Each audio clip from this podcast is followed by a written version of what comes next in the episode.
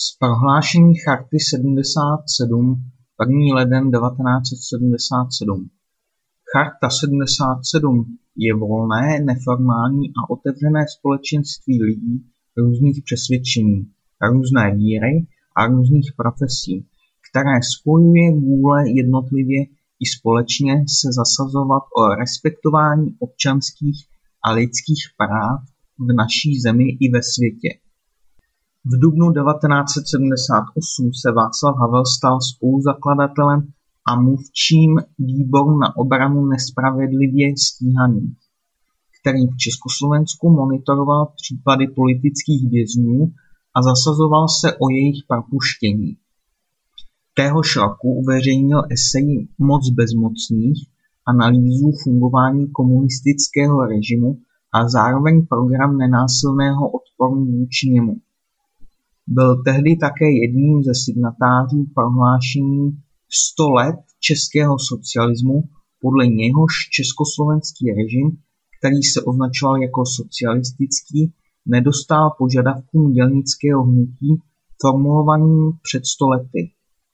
V květnu 1979 byl Havel spolu s ostatními členy VONS zatčen a strávil následujících pět měsíců ve vazbě. Odtud začal psát své ženě dopisy, které se staly základem knihy Dopisy o loze, vydané roku 1983. V říjnu 1979 se konal proces se skupinou disidentů a Václav Havel byl za podvrácení republiky odsouzen na čtyři a půl roku nepodmíněně. Podle biskupa Václava Malého tehdy Václav Havel dostal nabídku vyhnout se vězení a působit jako dramaturg v New Yorku, kterou se ale rozhodl přijmout pouze tehdy, kdyby byli osvobozeni i všichni ostatní členové skupiny. Od podzimu 1982 trpěl opakovanými zápaly plic. V únoru 1983 mu byl výkon trestu ze zdravotních důvodů přerušen. Poté byl ještě v domácím vězení. Celkem asi pět let pobytu v komunistickém vězení trvale zhoršilo jeho zdraví. Zároveň však mezinárodní vlna solidarity zvýšila jeho prestiž doma i v zahraničí. Havlův blízký přítel Ivan Martin Jerous uvítal Havlovo propuštění příležitostnou básní, ve které si povšiml časové schody a přihlásil Havla i sebe k odkazu Jaroslava Haška.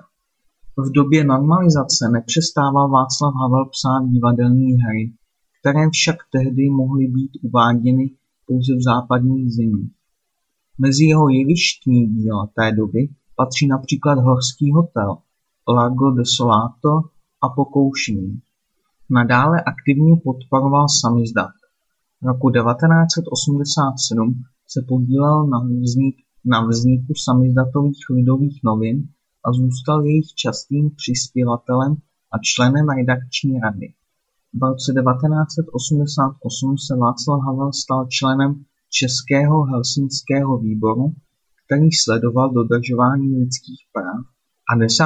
prosince 1988 vystoupil na první oficiálně povolené manifestaci opozičních seskupení v období normalizace, která se u příležitosti Mezinárodního dne lidských práv konala na pražském Škropově náměstí.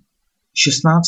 ledna 1989 byl zatčen za účast na demonstraci během Palachova týdne a v únoru odsouzen k devíti měsícům vězení.